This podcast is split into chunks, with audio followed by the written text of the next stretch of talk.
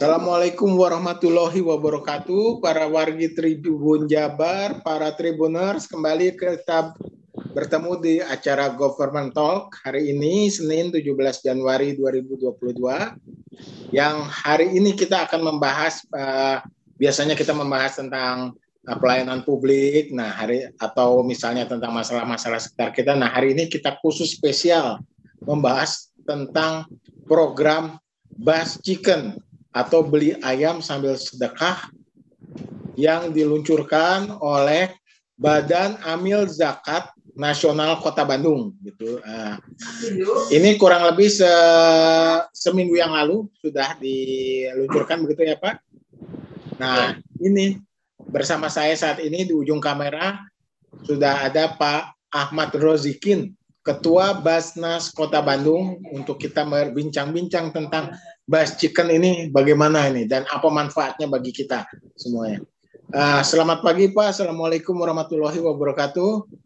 Waalaikumsalam warahmatullahi wabarakatuh. Selamat pagi juga Mas Adit. Ya, selamat pagi Pak. Ini punten lagi di perjalanan diganggu. Gak apa-apa, dengan senang hati. ya.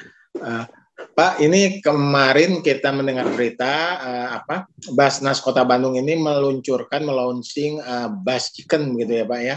Nah, Betul. ini apa sih Pak sebetulnya ini program ini program apa ini Pak?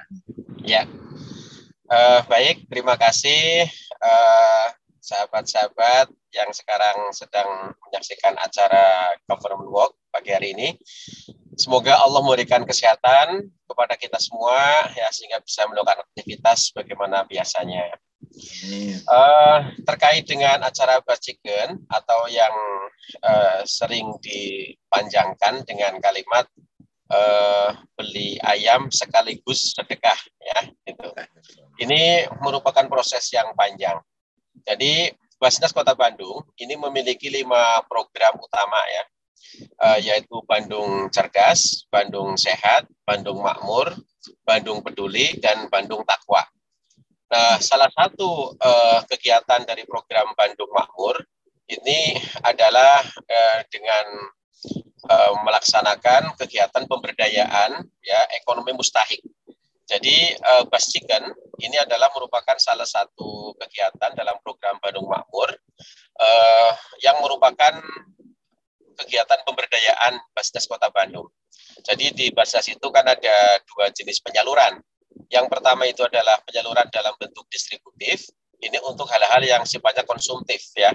Biasanya ini untuk para lansia gitu yang yang tidak uh, mungkin bisa melakukan aktivitas produktif. Nah, kita uh, berikan uh, penyaluran dalam bentuk distributif. Kemudian yang kedua adalah penyaluran dalam bentuk pemberdayaan atau produktif ini kita berikan kepada para uh, masyarakat Bandung yang masuk dalam kategori miskin. Kemudian mereka kita bantu sedemikian rupa agar mereka melakukan aktivitas ekonomi uh, sehingga menghasilkan uh, atau mendapatkan penghasilan untuk membiayai kehidupan keluarganya. Nah, salah satunya ini adalah bas chicken ya atau beli ayam sekaligus sedekah.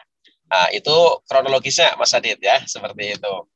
Nah, kemudian Uh, untuk tahap pertama ini memang kita baru lima orang ya, lima titik dengan target insya Allah sih uh, sampai 30 titik ya. Jadi harapannya satu kecamatan satu titik begitu ya.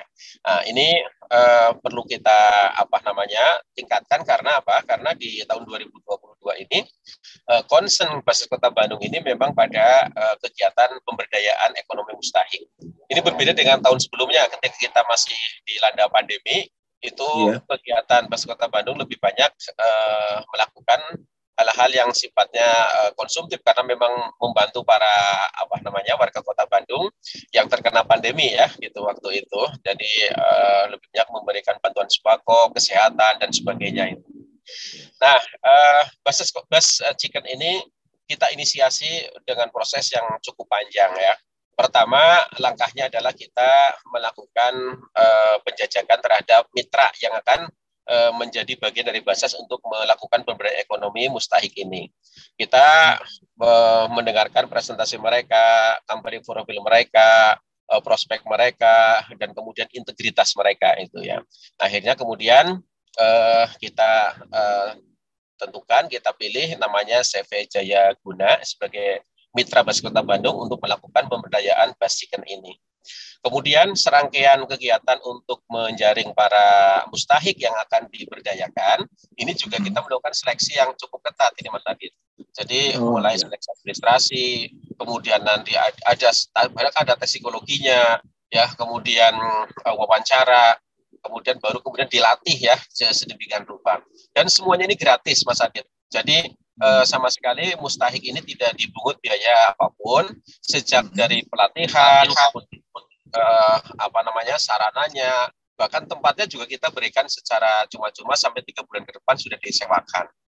Nah oh. sehingga harapkan nanti uh, apa para mustahik uh, yang menerima uh, bantuan ini mudah-mudahan nanti ke depannya itu bisa lebih mandiri secara ekonomi. Kira-kira gambarannya seperti itu, Mas Adi. Pak, itu eh, pertama saya ingin tanya itu nilainya berapa Pak? Istilahnya modalnya berapa yang uh, per ya. istilah itu mungkin ya. per bot ya per bot ya per, ya, per stand ya gitu. Terus yang kedua Pak ini uh, setelah tiga bulan itu uh, bagaimana harus bagaimana Adit. Itu biaya per bot uh, kita hitung itu dengan pihak mitra itu tujuh juta tujuh ratus lima puluh Mas Adit. Oh, itu gitu. sudah lengkap dengan bahan bakunya segala macam jadi tinggal uh, laksanain saja gitu ya gitu termasuk juga sudah sewa tiga bulan tempat tempatnya itu ya nah hmm. kemudian mustahik ini tidak ada kewajiban mengembalikan karena ini bukan pinjaman ya oh. bukan pinjaman kita hanya berharap mereka kemudian bisa memanfaatkan sebaik-baiknya agar bisa memberikan berkah kepada keluarganya, bisa meningkatkan ekonominya, kemudian bisa mandiri dan harapan kami dari Basas mereka nanti suatu saat jadi muzaki yaitu ya. Jadi uh, yang tadinya mustahik yang menerima zakat diharapkan dengan program ini nanti mereka statusnya naik menjadi orang yang memberi zakat ya atau uh, muzaki. Nah, sedangkan uh, yang uh, apa slogan sekaligus sedekah itu sebenarnya yang bersedekah itu adalah pembelinya. Jadi pembeli ini juga kita apa namanya biasakan untuk bersedekah meskipun dirinya kecil sekali ya tuh ya. Uh, tapi yang penting kebiasaannya itu ya kebiasaan untuk bersedekah sekaligus juga mendapatkan ayam goreng dan nasi. Nah, itu kira-kira maksudnya. Nah, Pak, itu kalau sedekahnya itu nanti gimana Pak untuk mustahiknya? Apa ada yang harus diberikan ke dikumpulkan gitu di Basnas begitu atau begitu? Ya, jadi nanti uh, sedekahnya itu dikumpulkan dulu di apa namanya uh, pengusaha mustahik ini, ya kemudian nanti tentu saja akan dihimpun kembali di Basnas dan akan kita berikan lagi kepada mustahik mustahik berikutnya, nah, seperti itu. Oh. Pak, kenapa uh, yang dipilih ini jualan ayam ini Pak?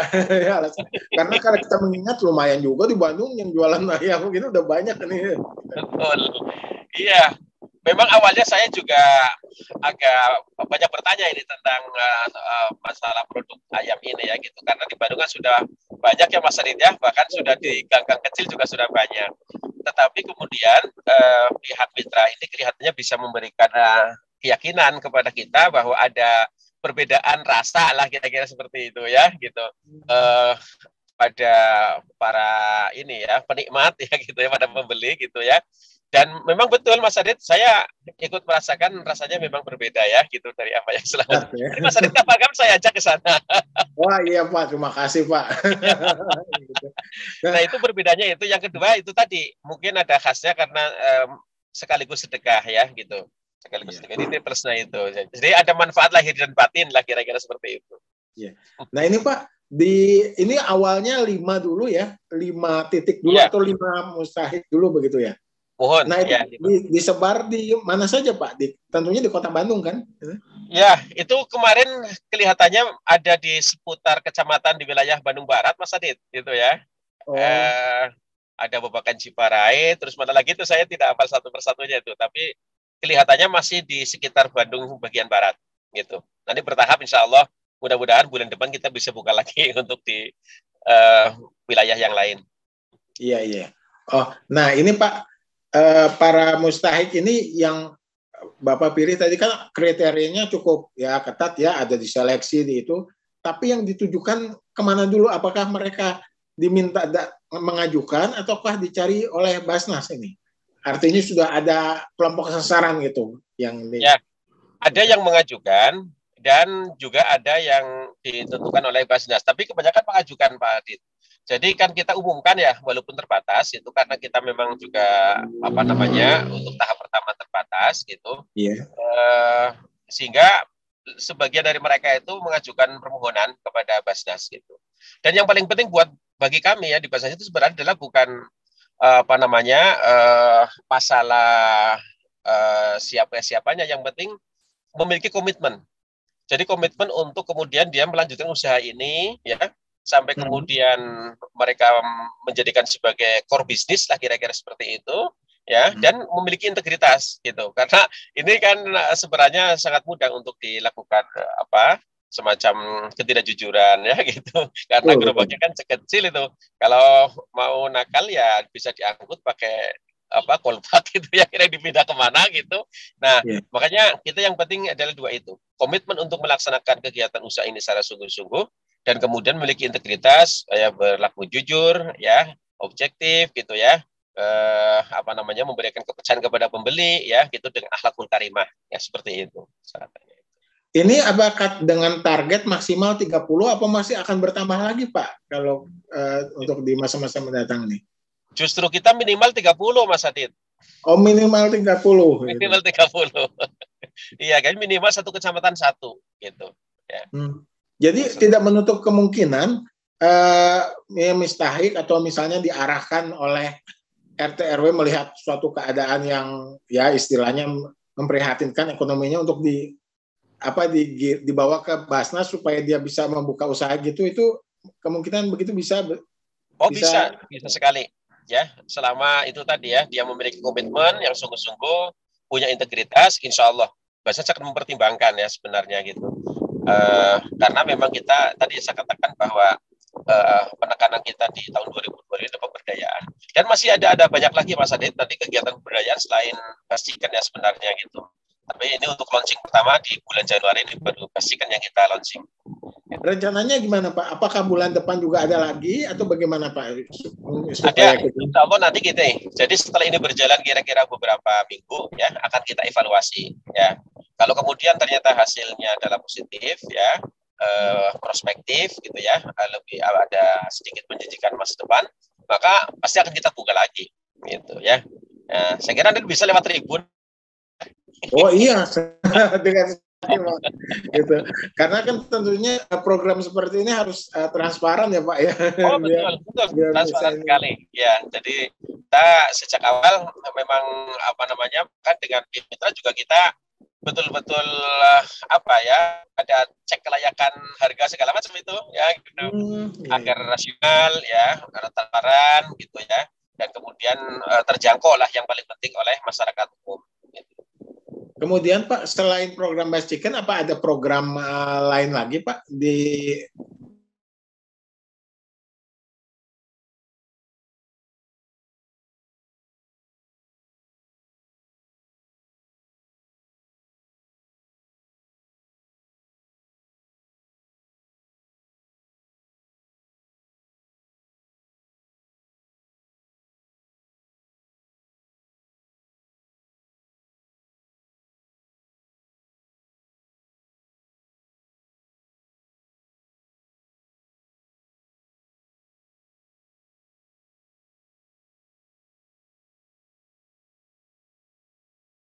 uh, program studi D3 maupun S1 yang semester 5 ya.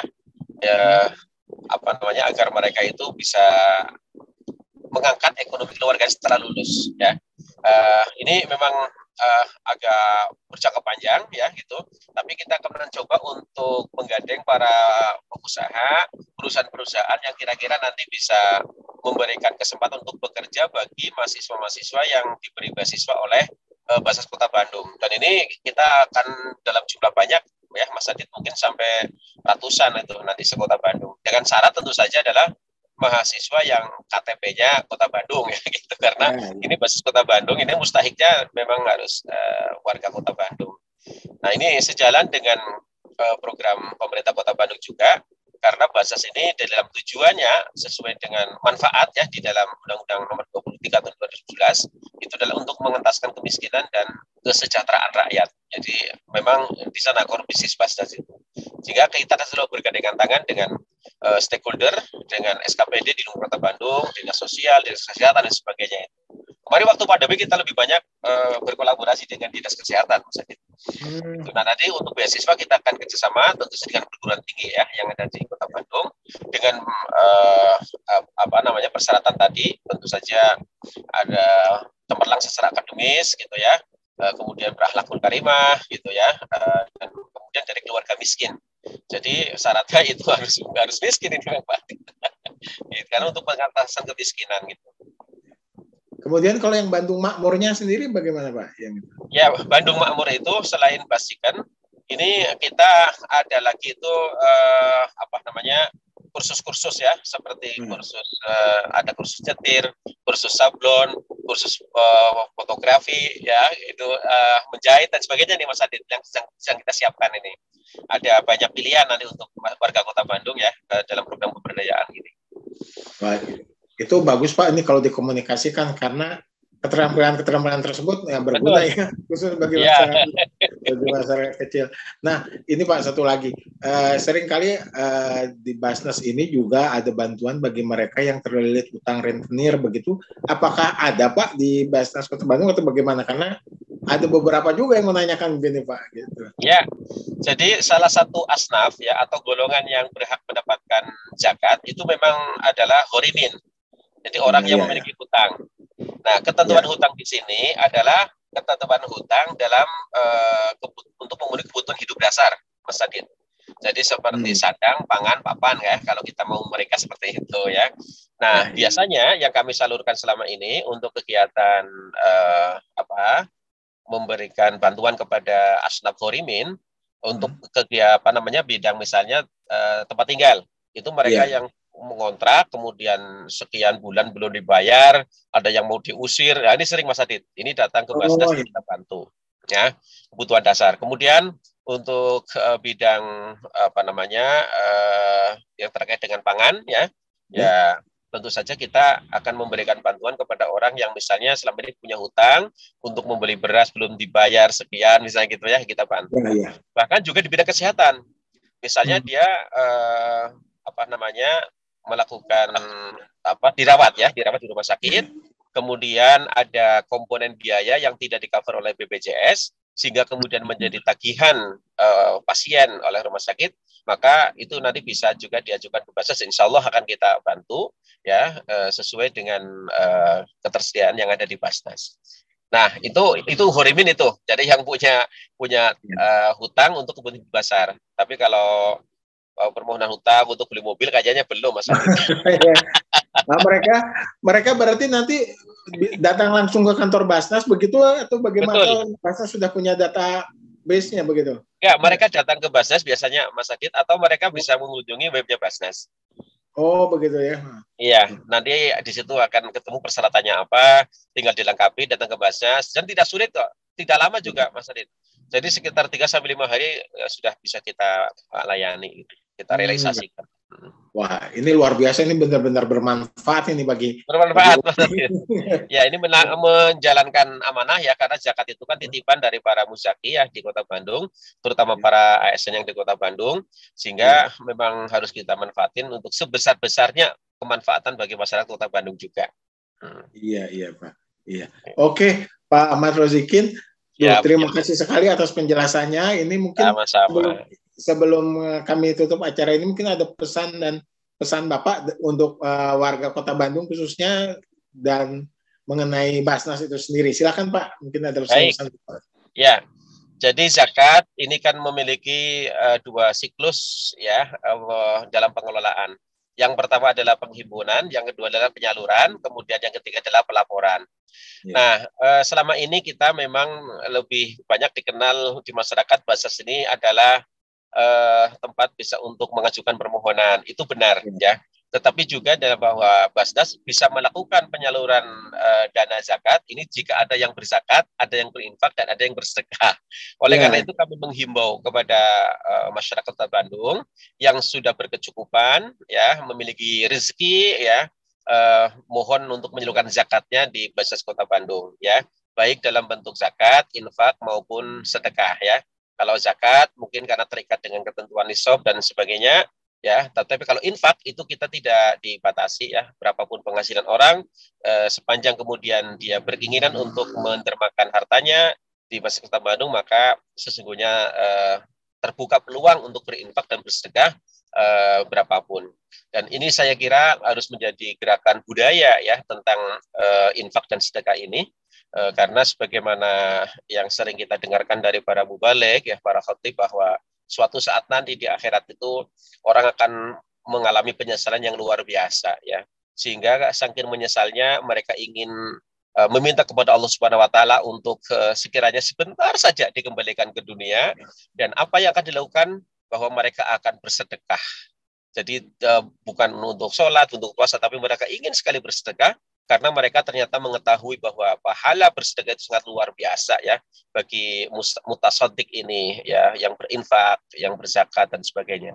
Oleh karena itu semoga nanti uh, setelah pulihnya uh, pandemi ini ya uh, siapa pun warga masuk kota Bandung diberikan kelebihan rezeki ya kami harapkan ya. bisa memberikan dana zakat, infak dan sedekahnya kepada Bas Kota Bandung dan insya Allah Bas Kota Bandung akan menyalurkan dana zakat itu sesuai dengan ketentuan yang aman secara syar'i, aman regulasi dan aman NKRI. Nah, itu yeah. slogan Bagus Kota Bandung. Iya, Begitu Pak Adit ya.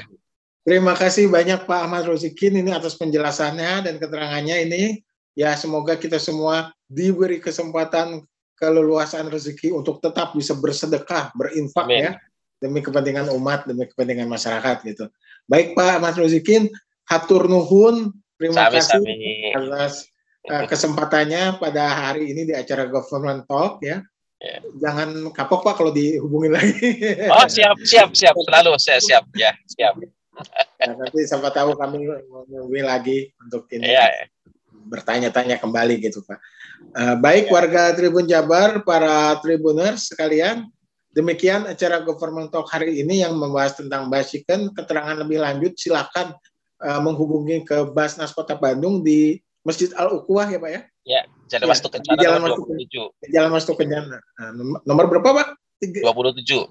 Nomor 27 ya untuk keterangan lebih lanjut mengenai program-program Basnas dan uh, baik mengenai infak, sedekah ataupun uh, kegiatan kegiatan lainnya untuk memakmurkan uh, masyarakat atau pengentasan kemiskinan gitu. Nah, atur nuhun Pak Ahmad Rozikin sampai Sama-sama. bertemu kembali acara kembali baik warga Tribun Jabar demikian acara hari ini. Jangan lupa kita tetap menjunjung tinggi protokol kesehatan, tetap memakai masker di ruang terbuka, eh, jangan lupa mencuci tangan dan hindari kerumunan. Eh, terima kasih. Assalamualaikum warahmatullahi wabarakatuh.